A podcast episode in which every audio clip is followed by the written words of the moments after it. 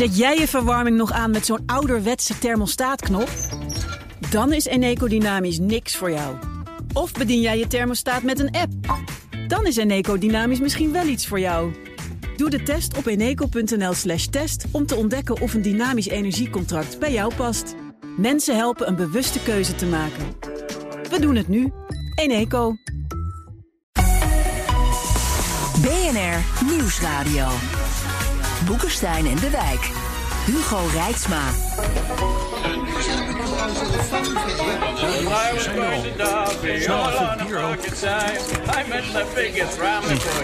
Hm. Oh, die komt nou wel slecht uit. Arjan, kan jij de aankondiging even doen? Oh, gewoon de nieuwe wereldorde en zo. Moet hier zitten. Oh. Nou, welkom bij Boekenstein en de Wijk, de Brexitborrel. Hm. Pardon. Op zoek naar de nieuwe wereldorde. Die begint over een half uur, want dan is het officieel Brexit. We zenden uit tot half één vannacht, live vanuit Amsterdam en Londen op BNR. En voor wie beeld aandurft, zijn we te zien op bnr.nl en Twitter. Beter om niet te kijken, denk ik hoor. Die chatter is een beetje taai, jongens. Ja. Mag ik wat vragen, Hugo? Lia. Ruikt het hier altijd zo? Nee, het is smerig hier. ja dat, Het ruikt als mijn plaatselijke Indiaanse café. Nou, inderdaad. dat is de curry die er staat. Dat is de, Dat is de curry. De tikka masala tikka die naast masala. CTM, de nationale dis. Ik voel me meteen thuis. Het is al meteen een bende hier in de studio. We hebben overal vlaggetjes van verschillend allooi. We hebben tikka masala naast Lia staan. We hebben Rob de Wijk, we hebben Arend-Jan Boekenstein. Lia van Beckhoven, helemaal uit Londen hier. En in Londen is dan weer onze Europa-verslaggever Jesse Pinster. Dus iedereen zit aan de verkeerde kant van het kanaal. Een goed begin voor de avond. En Lia... ehm, los van de stank, die het meteen thuis eh, doet voelen. Ben jij een beetje in de borrelstemming? Ik ben altijd in de borrelstemming rond deze tijd van de avond. Daar heb ik geen brexit voor nodig. Hey, en Jesse, hoor je ons? Jij staat geloof ik op Parliament Square, waar het ook een feestje is. Geweldig feest daar. Ja. Misschien staat hij bij de Remainers. nou, we gaan zo eventjes kijken hoe het eh, met Jesse zit. Die Remainers, eh, Lia, hoe zitten die erbij vanavond in Engeland? Nou, ik kreeg eh, eerder op de dag een uitnodiging om naar een waken te komen in de kroeg. Ik hoefde, Oké. ik hoefde geen rouwband mee te nemen, want die werden aan de deur uitgereikt. Ai, ai, ai. Dan weet je het wel. Ja. Ehm, ik, ik denk, eh, als ik zo afga van eh, sommige van mijn vrienden... die inderdaad Remainer zijn... ehm, eh, dan zijn ze boos, bedroefd, verdrietig. Maar er is ook een gelatenheid. Van oké, zo is het nu eenmaal. we hebben dit te accepteren. Ehm, het is een kwestie van wonderlijke, denk ik... en wellicht op een later tijdstip hergroeperen. Maar nu nog even niet. Ja. Hey, en overigens, van, van alle journalisten hier in de ruimte... ben jij geloof ik de enige die de opmerkzaamheid heeft, gehad... Om, om Johnson te horen, want die heeft net een speech gehouden. Ja, ik heb niet gehoord, maar ik heb, eigenlijk nou, wat Johnson Je hebt er ook betreft... niet opgelet. Eh, ik heb hem niet gehoord, maar ik heb hem gelezen. Maar wat Johnson betreft ehm, is Brexit een aanleiding om Groot-Brittannië te vernieuwen. En dan heeft hij het vooral over die versleten, achtergebleven gebieden. Hè, de vroegere industriële gebieden van Noord- en Noordoost- en Midden-Engeland. Die hem zijn stem verleenden, waaraan hij zijn meerderheid in de verkiezingen van afgelopen december te danken heeft. En die voor Eh, de brexit hebben En gestemd. die voor de Brexit hebben gestemd. En die willen daar wat voor terug. Ja, dat had hij natuurlijk ook gewoon tien jaar eerder kunnen doen. Ja, maar toen was hij geen premier. En dat is hij nu wel. Maar de Britten wel. Hè? De, Ja, maar Johnson is een ambitieus man, een ambitieus eh, premier... die nog wel een aantal jaren wil blijven zitten. Ik denk hij kijkt verder dan de komende vijf jaar. En als hij opnieuw verkiezingen wil winnen... heeft hij inderdaad die mensen opnieuw nodig. En moeten eh, zij weten waarom ze deze keer op Johnson stemmen. Dat wil zeggen, ze verwachten nogal wat. Nou, dat lijkt, nou, dat een beetje op. Trump, hè, wat er eh, gebeurd is in, de- in de Verenigde Staten. Die heeft natuurlijk ook die achterban in die achtergebleven gebieden gouden bergen beloofd. Nou ja, door die handelsoorlog die, die die is begonnen tegen China... zijn die de eerste slachtoffers daarvan geworden. hè. En wat Dus- het nog erger maakt is, dat is die nieuwe conservatieve kiezers in de Midlands en de North, in het noorden. Die worden als eerste geraakt als het toch nog een hele harde brexit wordt. Ja. Ja, ja. Dus maar daar gaat het niet om. Arjan. Daar gaat het niet om bij Brexit. Het heeft niets meer te maken. Ook weer net zoals in eh, de Verenigde Staten van Trump. Het heeft niets meer te maken met wat Silver Clinton vroeger noemde. the economy stupid. Weet je, het gaat wat die Brexiteers betreft. gaat het om de soevereiniteit. En Take back control. Take back control. Dat was de, van, de, de, de slogan die het gewonnen heeft. Take back control. En dat zegt eigenlijk alles. Britten, vooral Brexiteers, die voelen alsof ze geen zeggenschap hebben over hun leven. Waarom zou Brussel beslissen hoeveel migranten en, uh, er in ons land binnen mogen en waar ze vandaan moeten komen. Waarom zou Brussel de regelgeving domineren? Waarom zijn onze rechters ondergeschikt aan die van Europa? De Britten voelen zich geen onderdeel van de EU. Zijn bij mijn weten het enige land met Griekenland waar een meerderheid van de bevolking zich niet um, uh, identificeert als zijnde Europees. En hoe komt dat dan? Want het, is een eiland. De eilandmentaliteit. ja, maar wat zegt dat eilandmentaliteit? Ja. Ik denk, uh, ja, dat, dat hebben we zo vaak gehoord, eilandmentaliteit. Wat mij betreft is heel veel terug te voeren op de Tweede Wereldoorlog. Wij hebben er denk ik geen idee van hoe belangrijk die Tweede Wereldoorlog wat Churchill noemde their finest hour, stil, uh, nog steeds is in Groot-Brittannië. Werkelijk geen etmaal gaat voorbij. of een verhaal over de Tweede Wereldoorlog komt wel weer bovendrijven. Ik wil, don't mention the war, ze doen niks liever. Ja, en, het je, is en vooral het feit dat ze hem gewonnen hebben en ze wonnen hem alleen. En het is die duinkijker mentaliteit, hè? Precies. Dus uh, die heroïsche toestanden tijdens de, de Tweede Wereldoorlog... Uh, die zal hun er nu op, uh, bovenop helpen. En dat is denk ik niet zo. Want de wereld ziet er echt een klein beetje anders uit dan sinds de Tweede Wereldoorlog. Sterker nog, de wereld ziet er anders uit dan 2016, oh. toen het referendum werd gehouden. Maar wat niet veranderd is, is dat de Britten dus buitengewoon zijn. Zij zijn bijzonder. Exceptioneel. Zijn exceptioneel. Want ze hebben alleen Hitler verslagen. Ja, daar hebben de Amerikanen niks aan gedaan, dat kan deze ook niet. En de Russen helemaal niet. Nee. Hey, we kunnen even naar Parliament Square, hoor ik. Jesse, hoor je ons? Ja. Hoor je mij? Ja. En ik hoor het feestje op de achtergrond. Fijn zo heel van jou, hè? ja, nou, wij zijn hier, merk ik, een beetje in een, in een moeilijke stemming. Bij jou is het feestelijker, want jij staat bij de Brexiteers, hè? Het is één groot feest, werkelijk. We hebben alle quotes van uh, Nigel Farage, dat is allemaal mee staan te. Wat van uh, op het scherm liet zitten. En de klassiekers van Farage horen. Nu is er muziek. Ik weet niet of je het een beetje kan horen, maar er wordt gewoon gedanst hier op straat van mij tussen alle Rejecting. En ja, het is één groot feestje, want Engeland is nu weer, en Groot-Brittannië is een soeverein land geworden. Iedereen vertelt het, we zijn nu soeverein. Eindelijk. En wat heerlijk klinkt het daar. En er komt veel volk op af, daar op, die, uh, op het feestje van Farage? Ja, laten we eerlijk zijn. Een paar, paar duizend man, dat valt redelijk vol. Maar de grasprieten die er vanmiddag al stonden, die zijn weg. Dat is duidelijk. En uh, er mag niet gedronken worden. En toch zie ik ze eigenlijk allemaal wel met, uh, nou toch vaak geïmporteerd bier staan.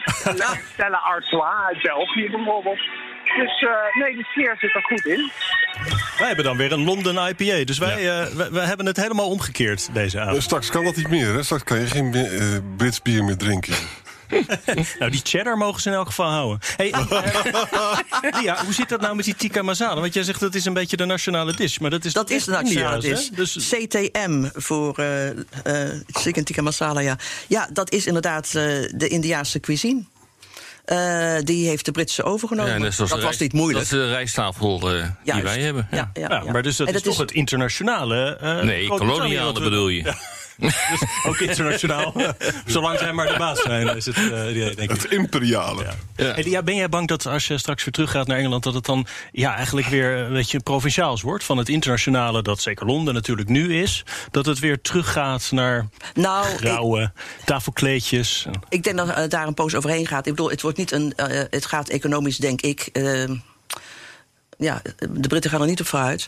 Uh, of het nou een car crash wordt, dat denk ik niet. Ik denk eerder een, een, een lekker fietsband, weet je wel. Uh, punaise erin die langzaam leeg gaat worden, economisch gesproken.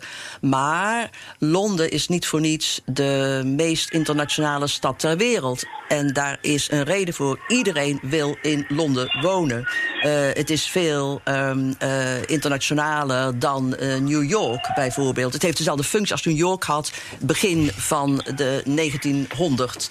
Um, uh, dat gaat waarschijnlijk veranderen. Omdat heel veel mensen, Europeanen, teruggaan. En dat merk je aan Londen. Kijk, Londen is een wereldstad. Het is de wereldstad van uh, Europa. En de reden omdat Londen de wereldstad van Europa is... is omdat ze heel veel profijt heeft gehad van de invloed van Europa. De Londense cuisine heeft niet alleen, of de Britse cuisine, heeft niet alleen veel te danken aan de India's chefs, maar ook aan de, de, de Fransen bijvoorbeeld. Maar er zit toch iets ontzettend raars in. Hè? Dus je hebt dat uh, Londen met zijn enorme open mindset.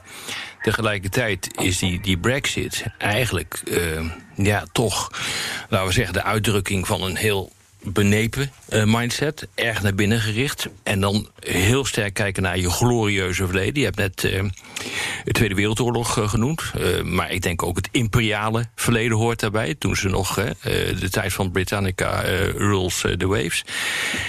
Dat past toch niet bij het hele idee om nu de deuren totaal open te gooien. Daar heb je toch een hele andere mentaliteit ook binnen de Britse politiek voor nodig? Of zie je dat verkeerd? Nee, dat zie je goed. Ehm, maar er is een groot verschil tussen wat de Little Englander, de Brexiteers willen, en eh, de functie van de stad Londen. Ja. Ehm, de ene is moderner, de ander hangt echt naar de Verleden. nostalgie van het imperium. Eh, dat is natuurlijk een groot verschil. Hoe dat gaat uitpakken en hoe dat gaat uitwerken, dat weet ik niet. Wat mij wel duidelijk is, is dat ehm, Brexit een uitdrukking is van Engels nationalisme. Het heeft niets met Groot-Brittannië te maken. Ja. Ik bedoel, de Schotten willen het niet, de Wels eigenlijk ook niet. Een uitdrukking van Engels nationalisme zonder Londen. Dus waar hebben we het over?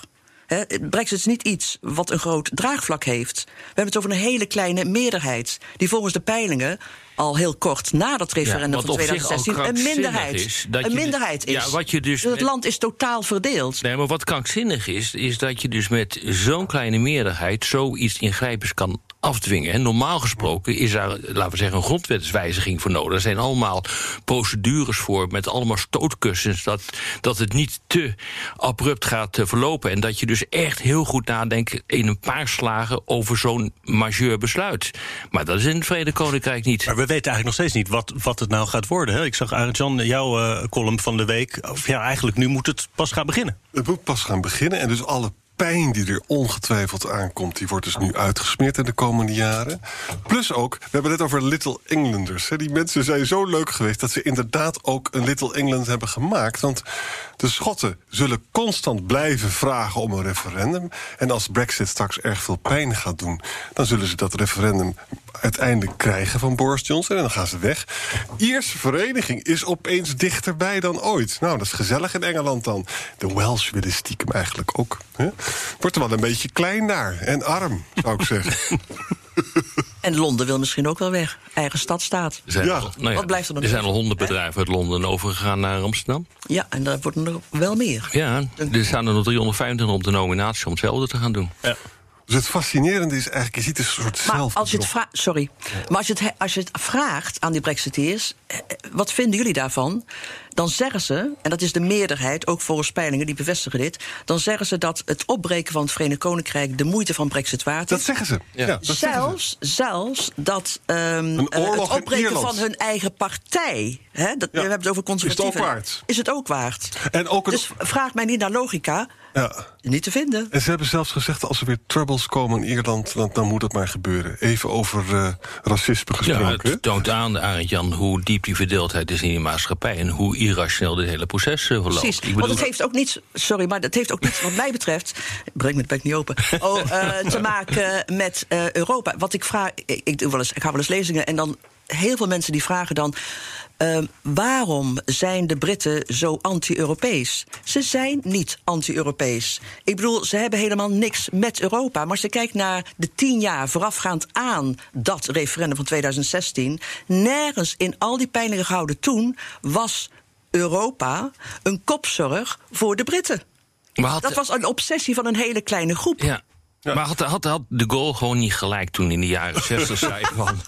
Dat, dat land daar moeten we er niet bij hebben. want Dat past gewoon helemaal niet in Europa. Dat is een eiland, dat ziet er zo anders uit. Eh, die, hebben een, eh, die, die hebben hun eigen pond waar ze geen afstand eh, van, doen, van willen doen. Nou, dat hebben ze ook niet gedaan. En, en nee, die man heeft geloof ik twee keer het veto uitgesproken. Ja. Over de toetreding van, van Engeland. Hij heeft gewoon, gelijk gekregen. Maar, maar Thatcher was, was de architect van de single market. Market, precies. De Nee, maar, even terug, er is geen grap over, eh, eh, over de goal. Hij heeft daar toch wel een punt gemaakt... wat uiteindelijk met terugwerkende kracht is uitgekomen. Natuurlijk, ja. Boekenstein en de Wijk. Een historisch moment, een keerpunt in de Europese geschiedenis... een nachtelijke live-uitzending van Boekenstein en de Wijk... en dan is het ook nog Brexit vanavond. Op zoek naar de nieuwe wereldorde. Dit is Boekenstein en de Wijk. En dat programma is natuurlijk niet zonder Arend-Jan Boekenstein en Rob de Wijk. Mijn naam is Hugo Reitsma. En we hebben Lia van Beckhoven hier, onze stem uit Engeland. Jesse Pinster zit dan weer in Londen. Wij hebben het uh, Londense bier. Jesse heeft het Europese bier. Uh, het is een ingewikkelde overgangsperiode, merken we. Maar wij proberen er uh, hier tot half één, tot een half uur na Brexit... met elkaar uit te komen in de studio Annex Café... we hier hebben ingericht. Kunnen we nog eventjes... Jesse, nee, Jesse zit ergens verdaald in het, in het feestje. Die we niet meer terug, hoor. die, die krijgen we niet meer terug. Echt niet. Je had natuurlijk een Europees vlaggetje bij zich. Die is al lang, die is al lang neergeknuppeld. Die is met duct tape is hier ingesnoerd. die zit zielig in een hoekje. Ja, die, die feestende Brexiteers, Lia, daar op uh, Parliament Square... die hebben nu wel een hele uh, grote verantwoordelijkheid. Oh, lach nog maar eventjes uit. Het beeld, ik zie het voor me. Geen goed idee.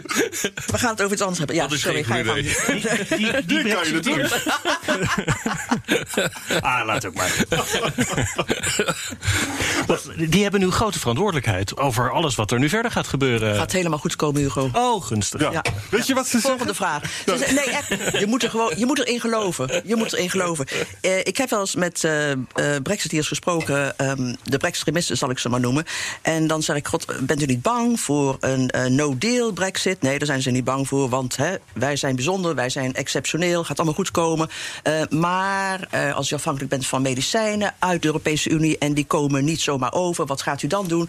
Oh, daar komen we wel op een andere manier aan. Lege schappen in de winkels, als je toch wel 50% afhankelijk bent van de Europese Unie. Hè, en dat gaat niet meer vanzelf, die, in, die import. Wat doe je dan? Dan gaan wij aardappels gooien, want dat hebben we in de Tweede Wereldoorlog ook gedaan. Dat zeggen ze. dat zeggen ze. En ze zeggen ook van we gaan lekker handel, humor, hè? handel drijven met de Commonwealth. Hè. Ja. Er is nauwelijks handel met de En Commonwealth. mensen hebben gewoon geen idee wat het betekent, een brexit. Ik denk dat ze daar straks wel achter komen. Nou, nee, ze hebben wel een idee. Het is niet afgelopen. Nee, maar we hoeven er nooit ja. over te praten. Nee, maar heb je enig idee hoeveel verdragen er moeten worden heronderhandeld? 752. Nee, 1139. Oh, oké. Rob is altijd van de Maar daar getallen. zitten inderdaad een aantal eh, verdragen in. En dat zou dat gedrag van eh, ruim verdrag gaan. eh, het aantal van ruim 700 eh, zijn. Eh, het is een beetje complex. Die onder de exclusieve verantwoordelijkheid hoorden van, van Europa. En onder de gedeelde verantwoordelijkheid van Europa en de lidstaten. En daar zit even het probleem in van wat ga je nou precies onderhandelen. Dat is niet helemaal duidelijk. Dus daar komt het verschil in dat getal uit. Maar ze hebben niet eens een ambtenaar om dat te doen volgens mij. Nee, nee dat, is, dat is ook een dus- probleem. Je hebt dus niet alleen een probleem dat je dus geen eh, frictieloze trade hebt met de EU. Maar je zit ook in al die handelsverdragen waar je er dus uitgegooid wordt. En Japan heeft al gezegd, we gaan de Engelsen helemaal niet helpen. India heeft ook gezegd, we gaan de Engelsen helpen. En Trump die gooit chloorkippen naar ze toe en dure medicijnen. Even, even naar Parliament Square, jongens. Nee hoor, niet bij Parliament Square. Ik ben ergens een zijstraatje ingelopen. Daar kwam een man aanlopen met een hele grote mond. En dan bedoel ik vooral ook letterlijk een hele grote mond. Eh, en die begon ineens te schreeuwen. En eh, ja, toen ging iedereen helemaal los daar. Want ja, de, de, de zonnegod van deze mensen is eh, aangekomen. Oh, Nigel Farage. Het was Nigel zelf. Ni- Nigel zelf is er niet. Dus ik weet niet of je nog net om het hoekje een beetje het geschil kan horen. Maar eh, Ja. ja, nee, de, de hoofdtek is begonnen. Mr. Brexit. En van hem gaan we horen wat er nu gaat gebeuren? Of, ehm? Nou, dat, eh, daar zou ik maar niet op rekenen. ik bedoel, wat ik tot nu toe gehoord heb, dat was ook, eh, hoe heet de beste man ook weer, dat weet Lia wel, die grote kroegeigenaar. En nou, die was een beetje hakkelend een verhaal aan het vertellen. En de boodschap was, Mr. Barnier, we want no tariffs. Punt. Nou, dat is geweldig. Nou, Ja, nee, Wat is het plan? Echt, uitge- uitgewerkte plannen hebben ze hier klaar liggen. Echt, ook, ik bedoel, ja, ik moet niet veel zeggen, want ik kom er een beetje een slechte lijn bij jullie. Maar ook technisch is het allemaal niet helemaal handig in elkaar gezet. Of het is te hard, of het is te zacht. En dus of de achterste rij lopen te schreeuwen dat het allemaal luider moet. Of je wil wegrennen uit die achterste rij, omdat het gewoon zo hard klinkt allemaal. Dus een beetje misschien een beetje symbolisch voor Brexit. Brexit, dat ook, ook, ook dit ook niet, niet helemaal vlekkeloos verloopt. Global Britain staat nog niet helemaal eh, klaar. Nee. Nee, nee. wat, wat gaat die Farage eigenlijk doen? Want hij heeft zichzelf, en dat is op zich wel nobel, nobel zichzelf eh, tot werkloos eh, gemaakt. Hij heeft een radioprogramma. Ja, Wat doet hij, hij heeft, hij heeft een Dat radioprogramma. kan altijd nog, hè, als je voor de rest niks kan. Ja. Nou ja, ik bedoel, ja, ja, daar kan je niet van leven hoor, van een radioprogramma. Althans niet in dit land. Althans niet bij Boeken zijn in de wijk.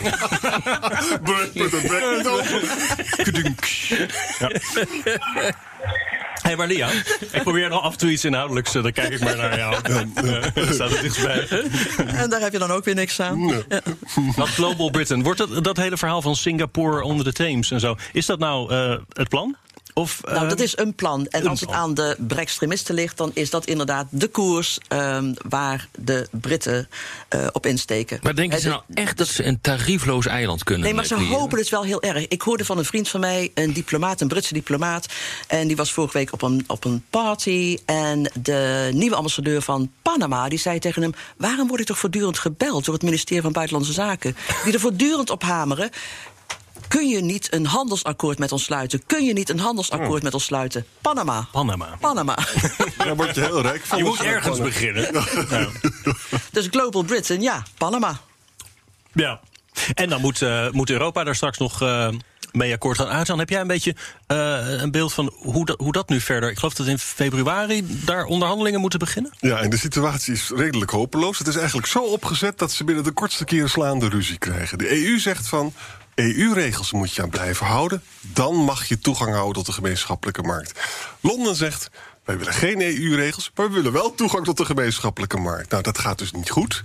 Dus dat betekent dus dat het hele moeizame onderhandelingen worden... die ook heel wel mogelijk nog kunnen knallen.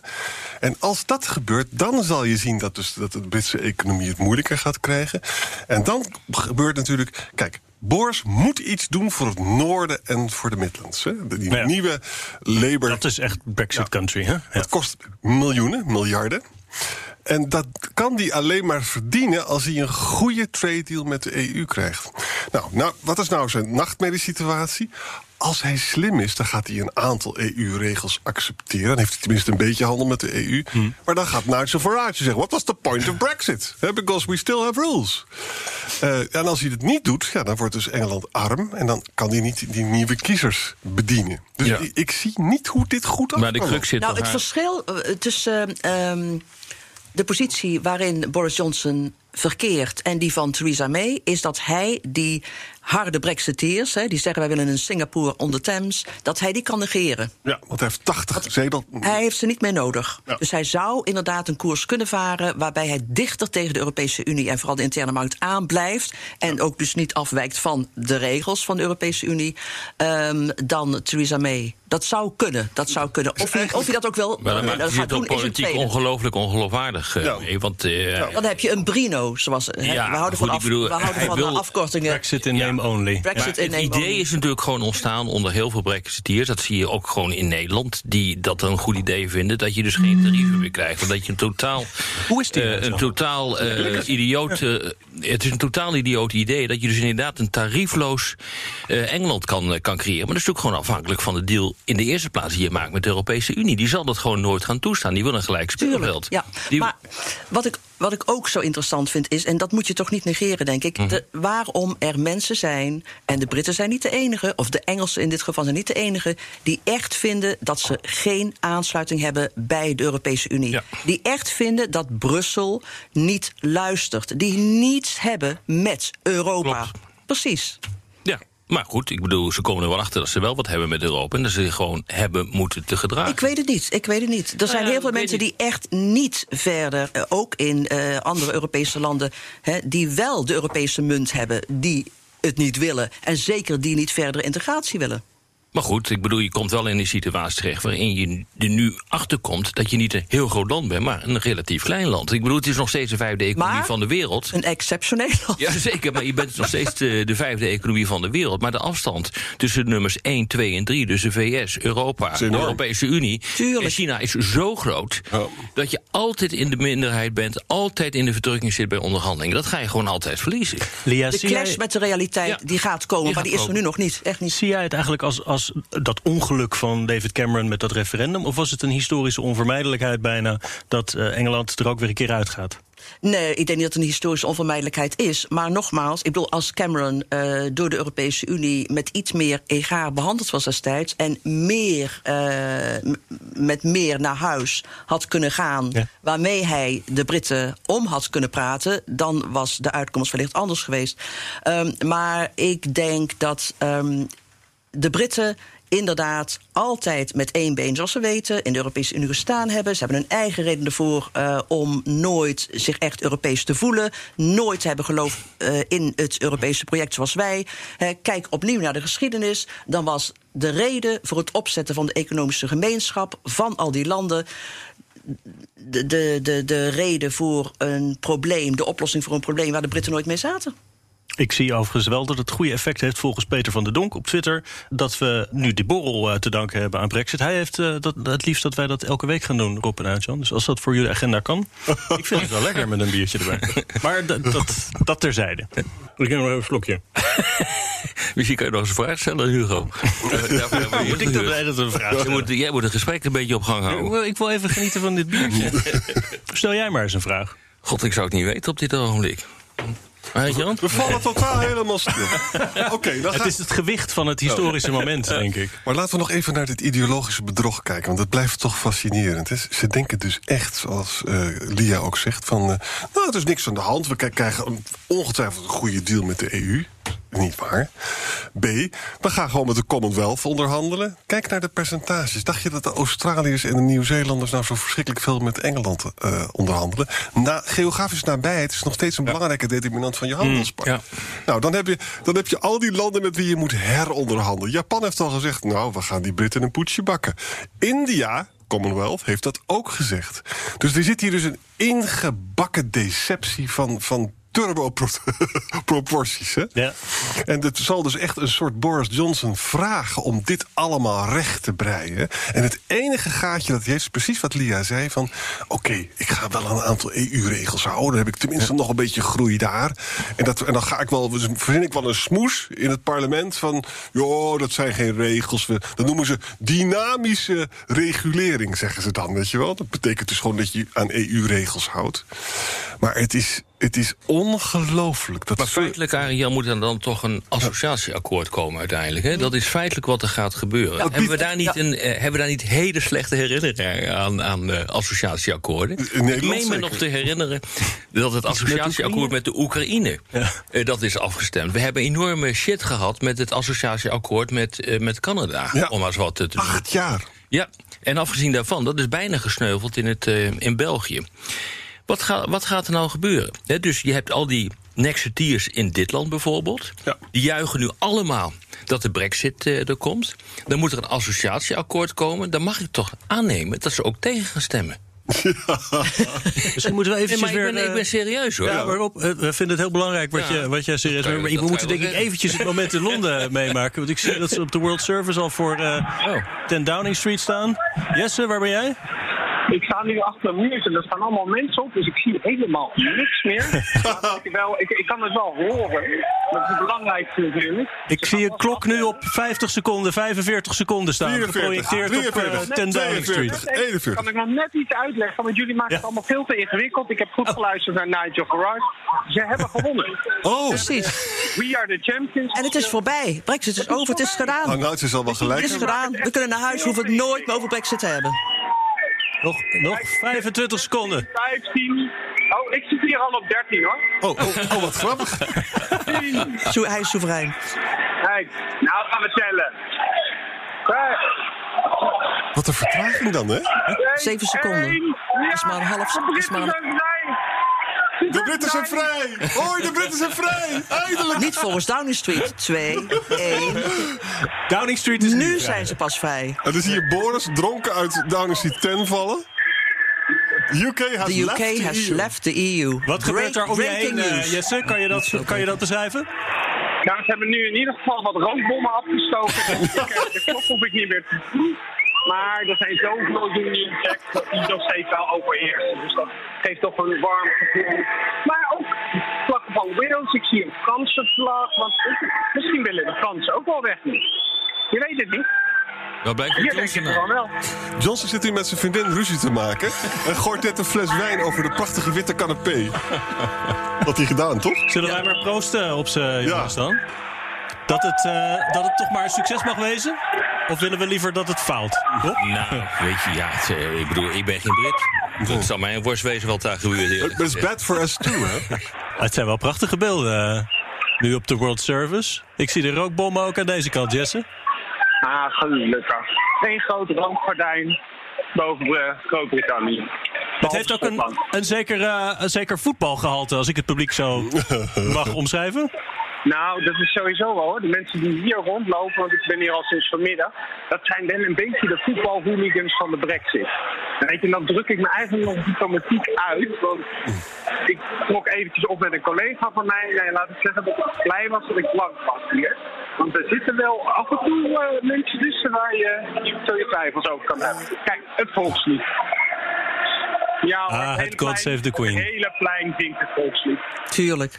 Ja, God save Nee, the maar Queen. je, je vertel, je vroeg net van, ja, Maar- wat vind je daarvan? Maar aan de andere, we staan nu wel tegenover elkaar, hoor. Ja. Op een aantal eh, punten. Dit is heel erg. Dus dat is heel erg. En het is wat dat betreft natuurlijk vrij simpel. Eh, ik bijvoorbeeld ben Nederlander. En ik wil dat er een deal komt die ons zo min mogelijk schaadt. Als dat dan ook Engeland goed, ja, goed uit, eh, uitkomt, dan vind ik het prima. Maar als dat niet gebeurt, vind ik het ook best. Weet je, het, het is nu echt gewoon ieder voor zich. En ook, denk, stel je voor dat je een Urker visser bent. Hè? Je zit, zit dus in die visrijke gronden daar. Nou, die visserij in Europees is totaal verweven. Wij vangen de vissen die de Britten eten. En de Britten vangen de vissen die wij eten. En 90% van de Britse vissen die gaan naar ons toe. Nou, dat, als stel je voor dat je er ruzie over maakt. Waar moeten die vissen dan naartoe? Dus het Terwijl is- voor de Britten, opnieuw, de visindustrie is symbolisch van groot belang. Maar weet je hoe groot die is? Jullie kennen die winkel Harrods, de Ja, dan waar- 1% of zo? Het? Eh, Harrods, eh, de omzet van Harrods is bijna een miljard per jaar. De visserij is ongeveer hetzelfde. ja. Ja. Dus je hebt over de omzet van één Maar groot fish and warenhuis. chips is heilig.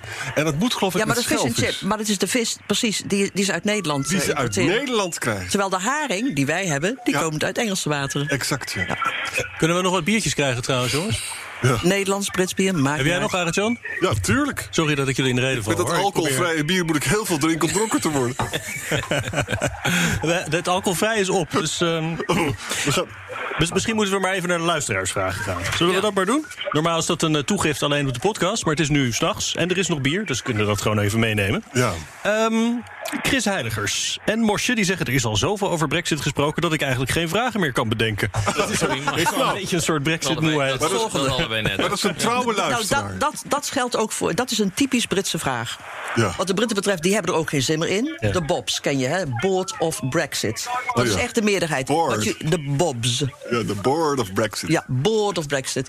Eh, wat je nu ziet op eh, Parliament Square, dat is een kleine groep die zeker niet dominant is voor Ja.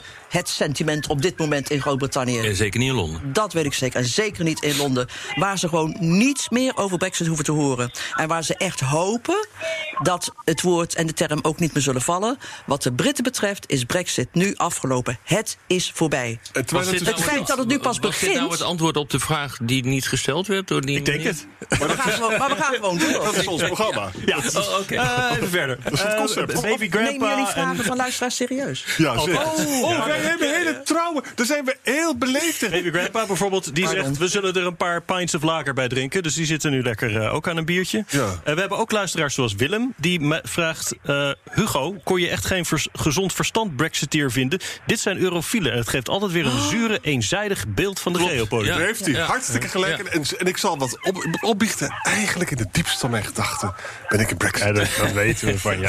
Soevereiniteit, democratie, een van de oudste parlementen van de wereld. Daar gaat het om. En al die... Nou ja, nee, maar het is natuurlijk wel een aardige vraag. Eh, maar eh, kijk, Arend Jan en ik die kijken gewoon naar de feiten. Dat, dat is niet weggelegd voor heel veel Brexiteers. Zelfs niet voor Nexiteers. Oeh, dat kost Nee, want luisteraars. als je- Want als je, want als je achter eh Farage aanloopt...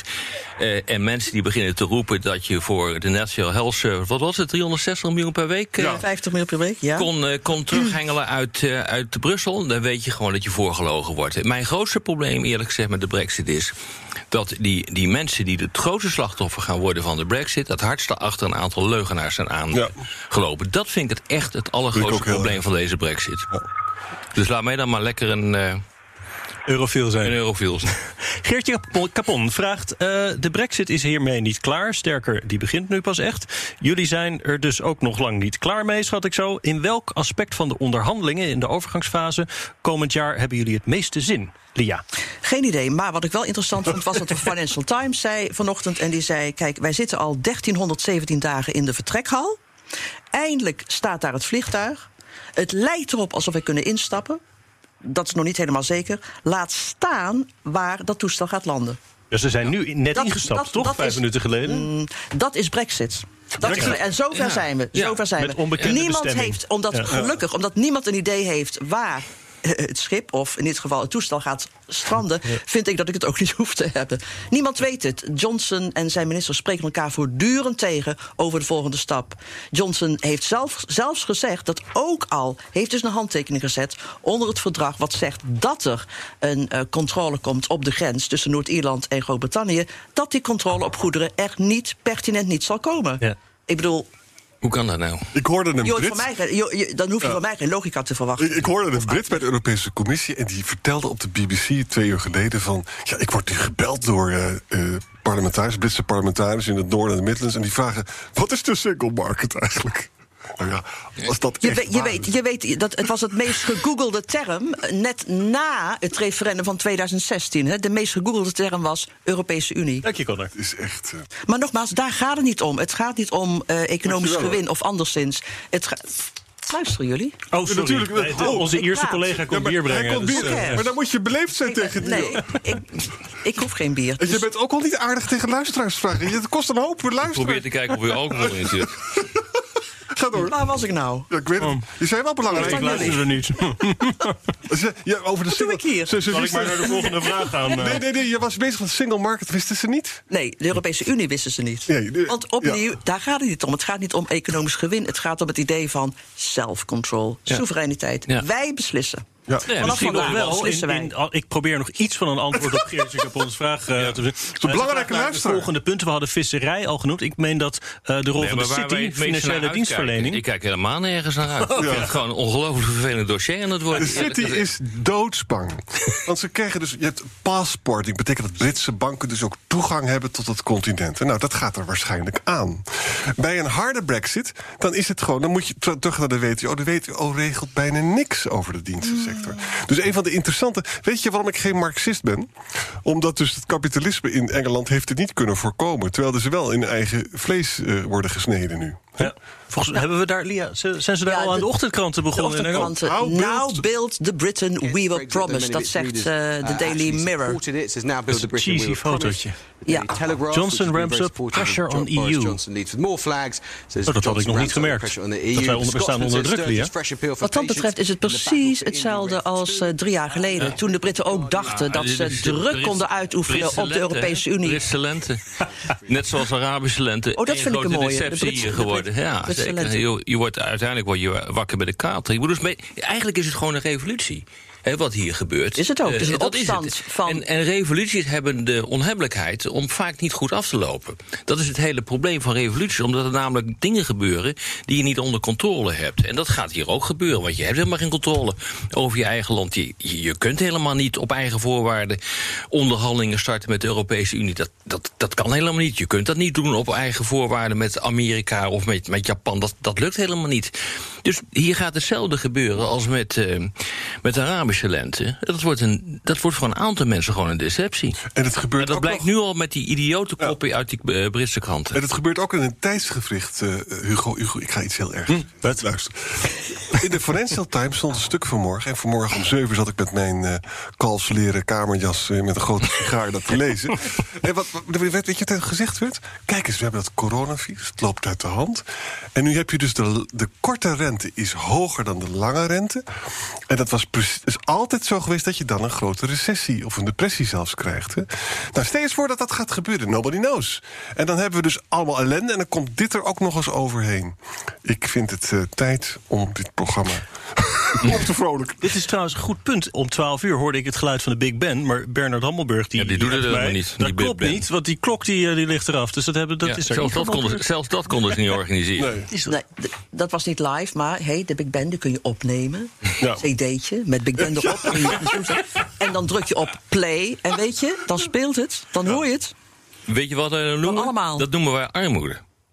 Toch innovatief. eh, Ja, nee, dat is echt geen innovatie hoor. Maar die opmerking over corona, daar reageert niemand op. En ik probeer ook een bijdrage te leveren. Oh. We staan aan de vooraf van een grote crisis. Het is niet meer de derde wereldoorlog, het is het coronavirus. Ding ja, dat was, was de vorige Ja, met de SARS ook al zo. ja. Robert Jan Prins vraagt: Verwachten jullie dat er aan het eind van het jaar een deal komt tussen VK en de EU? Kijk, eindelijk een concrete vraag. Ja, niet een echte deal. Daar komt waarschijnlijk een raamwerk en dan wordt er verlengd. En dan, eh, ja, dat is wat er denk ik gaat gebeuren. Maar je, je kunt niet verder komen dan een raamwerk voor een deal. Dat is onmogelijk als Dat je kijkt wat er jaar. allemaal geregeld moet worden. Eh, eh, mensen denken ook dat het, de scheidingsactie die getekend is... dat dat de deal al is. En dat is gewoon niet zo. Er worden alleen maar een paar dingen geregeld om uit elkaar te kunnen gaan. Eh, Bijvoorbeeld de status van Britten in Europa en omgekeerd. Hè? Maar eh, Het gaat nu pas over het gaat handel. nu pas over handel. En over handel kan je ontzettend veel ruzie maken. Weet je waarom? Handel betekent dat je allerlei groepen moet tevreden stellen. En die hebben conflicterende belangen. En ook nog internationaal. Nou ja, en En over. dan is handel ook maar 20% van de Britse economie. Ja, Ik bedoel, je- we hebben het voortdurend Diensten. over handel. Handel met de Europese Unie, precies. En handel met Ja. eh, de gemene bestlanden. Maar het gaat om de dienstensector. de dienstensector, daar zit de crux in. En En, de en daar EU heeft niemand het over. Maar Ja. ik denk, ehm, voor wat het waard is, je gaat jaren Ja, krijgen van onderhandelen over hele magere akkoorden. Eh, eh, die gaan dan weer uitgesteld worden. Frictie, deadlines die weer verzet Ja. worden. Weer nieuwe onderhandelingen over weer nieuwe akkoorden. Weer frictie, weer uitstel. Nou, over goederen, Oh, over goederen zou je nog wel vrij snel een akkoord kunnen bereiken. Hè. Eh, dat is niet zo ingewikkeld. Nou, nou, nou, nou. Maar over diensten, dat lukt bijna niet. En, eh, dat is u- bijna u heeft onmogelijk al om daar gezegd, we willen helemaal niet over diensten praten. Dat doen we later wel. Terwijl Ja, het zie je. Engeland heel belangrijk is. Weet je wat we gaan krijgen? Een heleboel eh, Britten worden steeds boos. En die gaan weer wijzen naar Brussel. We krijgen dus we krijgen oorlog in Europa. Heel veel Volgens mij, hoor ik, volgens mij hoor ik het feestje nog eh, aan de andere kant van het kanaal. Jesse, ben jij daar? Ja, je hebt net het vuurwerk gemist. Er was toch een man die eh, met uh, pijlen aan het schieten was. Die was vooral zijn mede-Brexiteers bijna onver aan het schieten. Nou, niet bijna, letterlijk trouwens. Eh, maar ze luisteren netjes naar de politie. Dus misschien komt er geen oorlog aan het Nee. kant. Misschien valt het mee. Geen Maar- gele hesjes. Ja.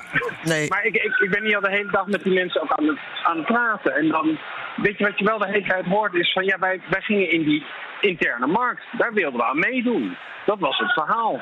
En nu wordt het steeds meer en meer en meer. En dan denk ik, ja, als hun altijd hetzelfde verhaal is verteld van we zitten er alleen maar voor de markt in, wat je ook de hele tijd terug hoort in die onderhandelingen zelf, dat toegang tot die markt winnen, ja, dan ontstaat er een soort discrepantie op een gegeven moment waar mensen blijkbaar geïrriteerd door raken.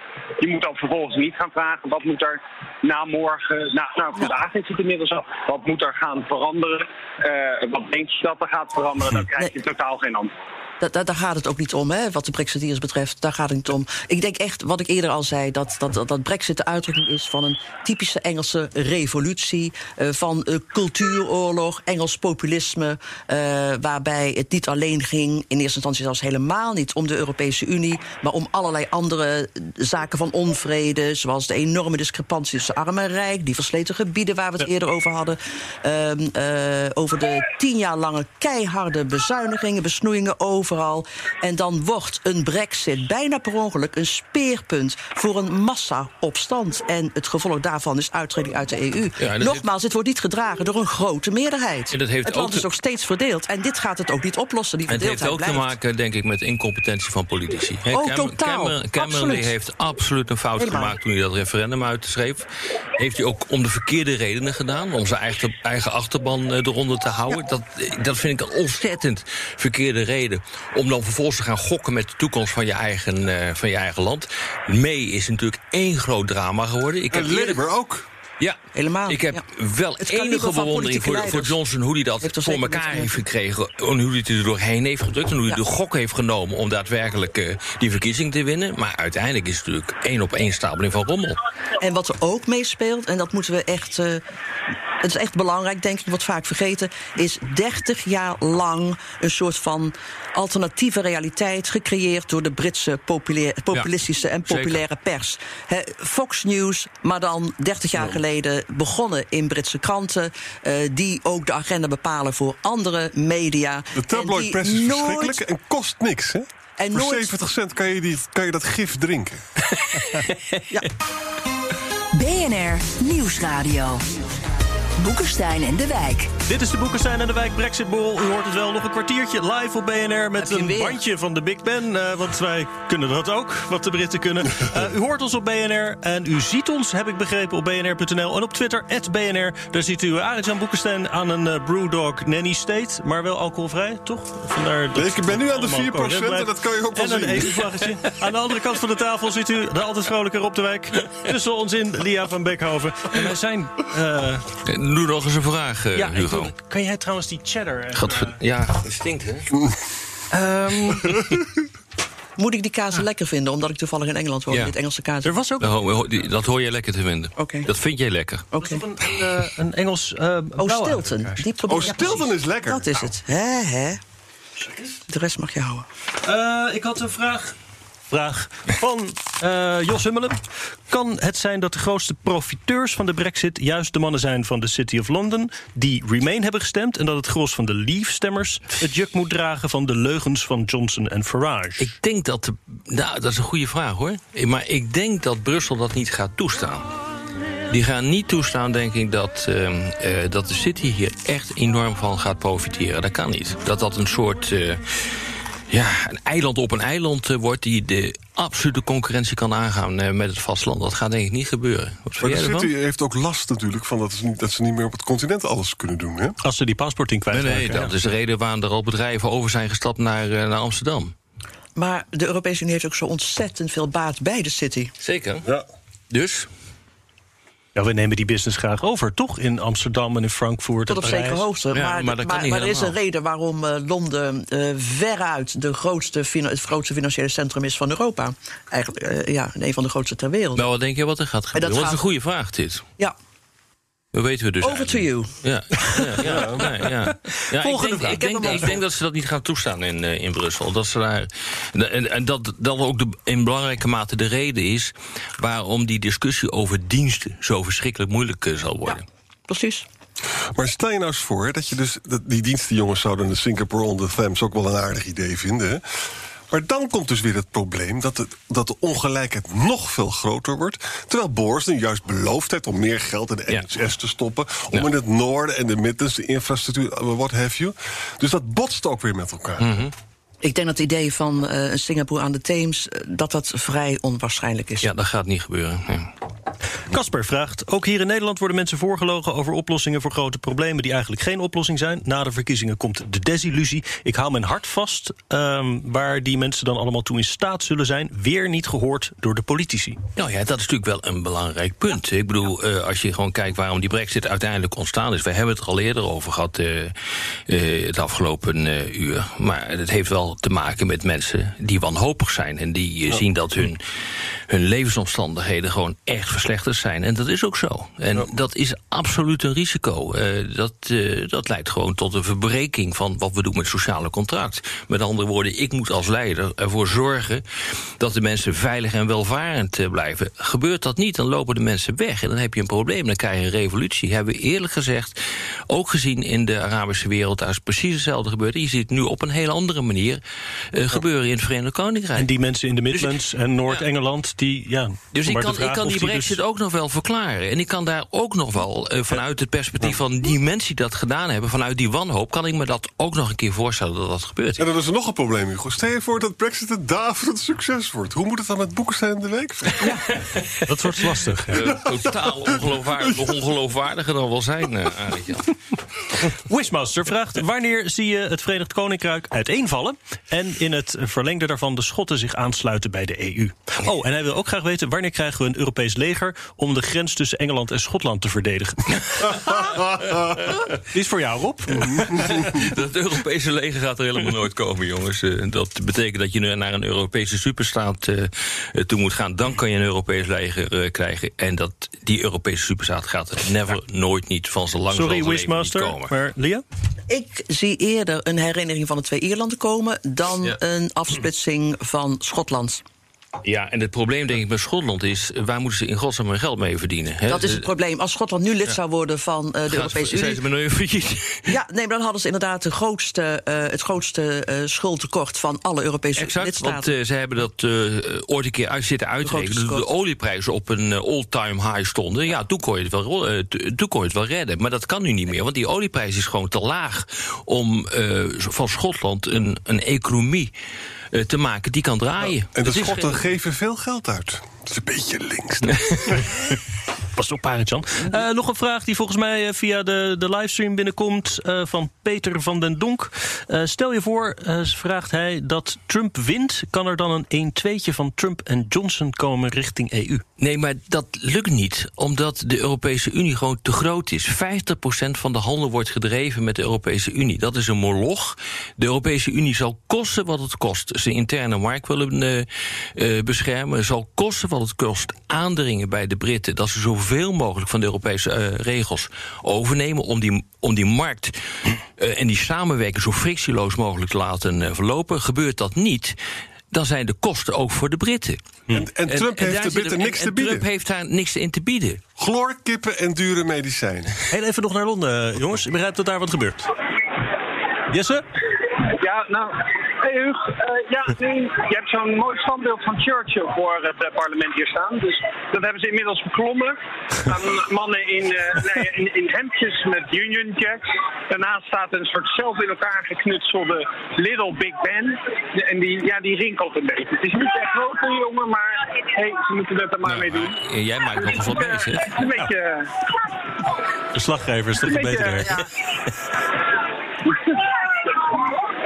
de, de, de, oude, oude bunkers die hier volgens mij rondlopen. Die hebben toch een probleem met uh, nou ja, alles wat enigszins bureaucratisch of autoritair is. Dus, ook met de Europese Unie. Arme Churchill. Het, het, doet me ook wel een beetje denken, dit feestje aan... Ik, ik, ik mocht als verslaggever bij dat OGI-referendum zijn. Weet je nog, toen de Grieken nee mochten oh, zeggen ja. tegen de EU. Dat was ook een enorm feest. We kunnen eindelijk die vervelende uh, Brusselse types eens een keer uh, in hun gezicht slaan. De volgende ochtend was er een heel andere sfeer. Want toen moesten ze bedenken, hoe nu verder? Ja. Het lijkt ook een beetje op, uh, op dit. Veel plezier daar, Jesse. Leuker. Ja, ik, ik, ik me nu al op de kater die ze hebben. uh, Mark Beekhuis vraagt... hoe lang voordat de Britten weer welkom zijn voor toetredingsonderhandelingen? oh, dat gaat heel lang duren, hoor. Als het er ooit toe komt. dan zijn we denk ik 20, 30 jaar verder. Daar ben ik ook bang voor. Ja. En dan is de grote vraag of, of we de Europeanen, als de Europese Unie er nog bestaat, want je weet dat maar nooit, of we ze nog willen hebben. Hè? Of dat hm. we dan niet gaan denken als Charles de Gaulle, de toenmalige president van Frankrijk in de jaren 60, die de toetreding tot tweemaal toe geblokkeerd heeft. Dat zou maar zo, dat zou maar zo kunnen gebeuren hoor. Maar in Engeland zou het. De, de demografie gaat wel die kant op, toch? De, ja. de, de Brexiteers gaan langzaam dood. Zeker. Ieder, uh, ja, iedere week uh, overlijden 10.000, bijna 10.000 iedere week Brexiteers. dat is misschien helemaal niet Het is heel beeldend zo. Je ziet ze gewoon omvallen. Ja. En sinds eh, het referendum van 2016 zijn er ruim 2 miljoen jonge stemgerechten erbij gekomen. Dus het probleem lost zich Dus de- precies, demografisch. Demogra dus niemand hoeft van mening te veranderen. Je zit nu al met een meerderheid anti-Brexiteers. En dat bedoel ik als ik zeg, er is geen breed draagvlak. Er is eigenlijk helemaal geen draagvlak. Maar zie jij dan dus die, die, eh, die nieuwe lidmaatschapsaanvraag niet Nou, gewoon het eh, hangt- het over hangt- een paar jaar komen? Kijk, het hangt erg af van of inderdaad Brexit een daverend succes wordt. Ehm, eh, en het hangt er ook het hangt van zoveel variabelen af. Ehm, maar inderdaad, de Britse bevolking is beter opgeleid, jonger, eh, Ja, stedelijker en minder Little Englander en veel meer internationaal en vooral Europees gezind. En ze Maar dat is een groot voordeel hè, voor, eh, eigenlijk voor de, de komende tijd. Voor de, de, de post-Brexit-tijd en voor eh, de onderhandelingen. Die... en de studenten mogen niet meer Erasmus... en de universiteiten missen het Europese vleespotten voor onderzoeksgeld. Hè. Dat is veel geld, is dat, hè? Dus die balen daar enorm van. Die zullen, Ja. die zullen als een kans zien. ja, maar, ja, en dat is, het grote, dat is een grote scheidingslijn. Er zijn er natuurlijk heel veel, stad, platteland, wat Brexit betreft. Maar de aller, allergrootste scheidslijn is tussen ouderen en jongeren. Ja. Eh, de, de, de me- eh, een groot deel van de ouderen, Ja. percentagewijs zeker, hebben gestemd voor Brexit. En een overgrote meerderheid van jongeren tegen. En er is inderdaad eh, wat voor te zeggen dat die brexit op zich goed zou kunnen verlopen... doordat die jongeren veel meer een mondiale uitstraling hebben. Maar dan blijf je nog eh, zitten met het feit dat Engeland inmiddels, nu het uit de Europese Unie is, gewoon een klein land is geworden. Het is weliswaar de vijfde economie van de wereld nog steeds, maar het is veel, veel kleiner dan de Amerikanen, de Chinezen en de Europese Unie. En dat betekent dat je dat eigenlijk aflegt. En ik denk eerlijk gezegd dat de kans vrij groot is dat eh, Engeland de speelbal wordt van de grootmachten. Maar we hebben de Britse krijgsmacht nodig. Ja, maar dat gaat, loopt via de NAVO, dus dat Ja. heeft niks met de Europese Unie te Je ziet maken. trouwens nu mooie beelden op de World Service van Edinburgh... waar eh, de mensen in... Ook aan het feesten zijn. Of in, Voor Europa. maar in ieder geval voor en voor Catalonië. Edinburgh is een studentenstad, hè? en Schotse, Schotse vlaggen. Uh, On Wednesday, of course, MSMPs, MSP's voted to keep the European Ja, Schotland, waar dus weer gesproken wordt over een nieuw referendum. Maar jij zegt, nou dan komen ze Ja, dat, in de, in de lang kooi met een schuld. Ja, ja. Ik heb nog een mooie vraag van Pepijn Nachtzaam. Die durf ik alleen niet aan Rob te eh, stellen. Wat vinden jullie het meest positieve aan dit hele proces voor de Britten? Ja, dat, is wel, dat is wel heel moeilijk. Nou, dat je, dat- het positieve daarvan is dat je, dat je dus ziet hoe, hoe- hoe- nog eens een keer hoe het mogelijk is dat mensen zichzelf totaal bedriegen. Nou, het positieve Dat is- nee, kan, positief. zijn, het kan zijn, het positieve, dat ze zichzelf uitvinden. Opnieuw uitvinden. Dat zou kunnen gaan gebeuren. Maar, maar ja, dan nog blijft Engeland een klein land. Het positieve wat mij betreft is dat eh, de Britten meer weten van de Europese Unie en van Europa dan ze ooit wisten. Ze zijn beter geïnformeerd. En ik heb nog nooit zoveel Europese vlaggen gezien Ja. in Londen dan de laatste drie jaar. Maar ja, die verdwijnen nu. Nee, hoeft niet. Nee? Hoeft niet. Dat ligt eraan wat de Remainers nu gaan doen. Ja, dat is waar. Nou, aan de andere kant dan staat Leon Elsjan. Die vraagt, zou het vertrek van het VK positief kunnen blijken voor de EU? Nee. We hebben de Britten nodig voor de vrijhandelsgeest. We hebben ze nodig. De Frans-Duitse as wordt nu sterker. Het Nederlandse export naar Engeland is, is sizable. Dit had gewoon helemaal niet moeten gebeuren. Nee, dat ben ik met je eens. Maar aan de andere kant moet je constateren dat de eenheid binnen de Europese Unie, onder andere door de Brexit, alleen maar groter is eh, geworden. en nu wat toe. heel erg eh, opmerkelijk is, De is, eensgezindheid. dat de, een- is de eensgezindheid. Het is echt heel erg opmerkelijk. Europa is over van alles en nog wat ver- verdeeld, behalve over eh, de Brexit. Zie je hoeveel voordelen de Brexit Ja, heeft nu? exact. Ja. Maar nu gaan we over handel praten. En dan zeggen de Duitse autojongens... ja, maar de- die visserij, dat moet niet in de weg zitten. We willen al Duitse auto's verkopen. Dus het kan dus nu ook afbrokkelen. Ja, Denk ik dat niet, gaat hoor. nog jaren duren, denk ik. Mag ik nog heel eventjes Parliament Square horen? Hoe is de sfeer in Londen voordat we hier klaar zijn? Weet je, die sfeer als een eh, eh, feestje is afgelopen, een festival. En dat het eigenlijk wat eerder afgelopen is dan je gehoopt had. Weet je, dat, dat gevoel. Dat iedereen een beetje rond staat te hangen. Ik ben er wel achter waarom het allemaal technisch misschien niet zo lekker liep. Het is eigenlijk maar een heel klein vrachtwagentje waar dat podiumpje uitkwam.